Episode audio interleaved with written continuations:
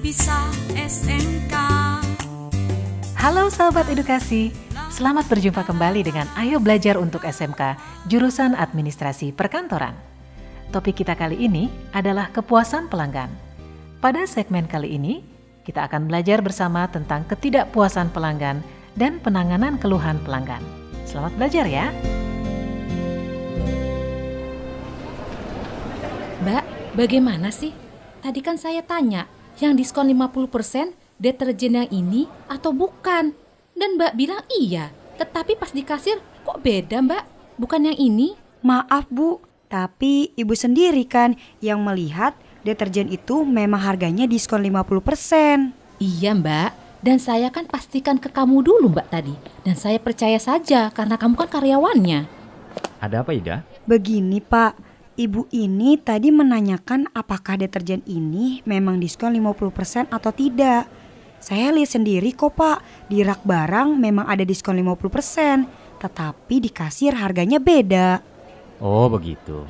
Maaf ya Bu, deterjen yang diskon 50% memang ada, tapi bukan yang itu.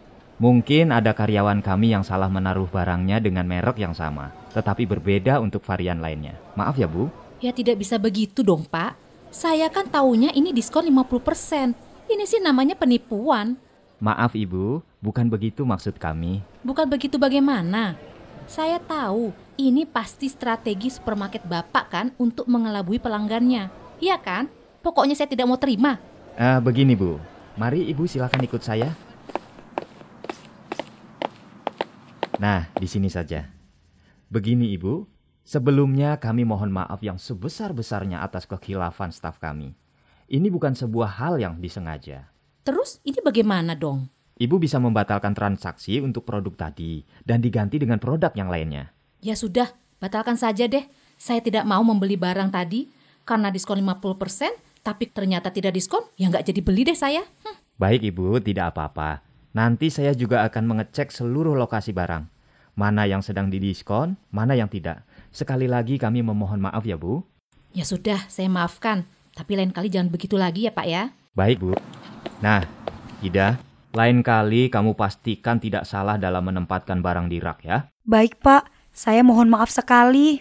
Komplain pelanggan ini kalau tidak ditangani dengan benar akan menyebabkan ia tidak mau berbelanja lagi di tempat kita. Jadi, kita mesti memberikan solusi agar pelanggan tidak komplain lagi. Siapa?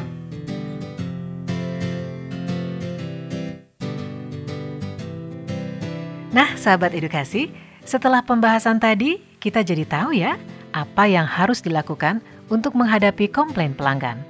Apa saja itu? Yang pertama, hadapilah keluhan pelanggan dengan bijaksana. Kemudian, kedua, dengarkan dengan penuh perhatian. Ketiga, bertindak secara tenang, hindari amarah. Keempat, sebisa mungkin bawalah pelanggan yang sedang marah ke suatu tempat, sehingga pelanggan yang lain tidak mendengar.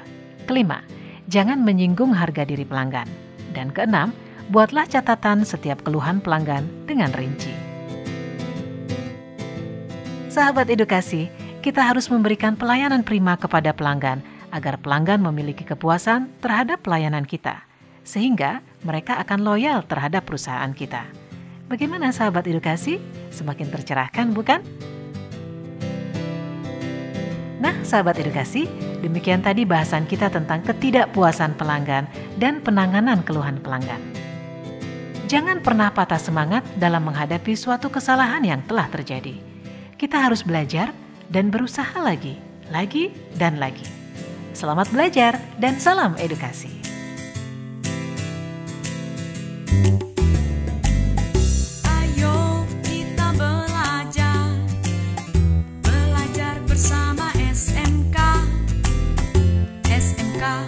Pasti bisa, pasti bisa SMK.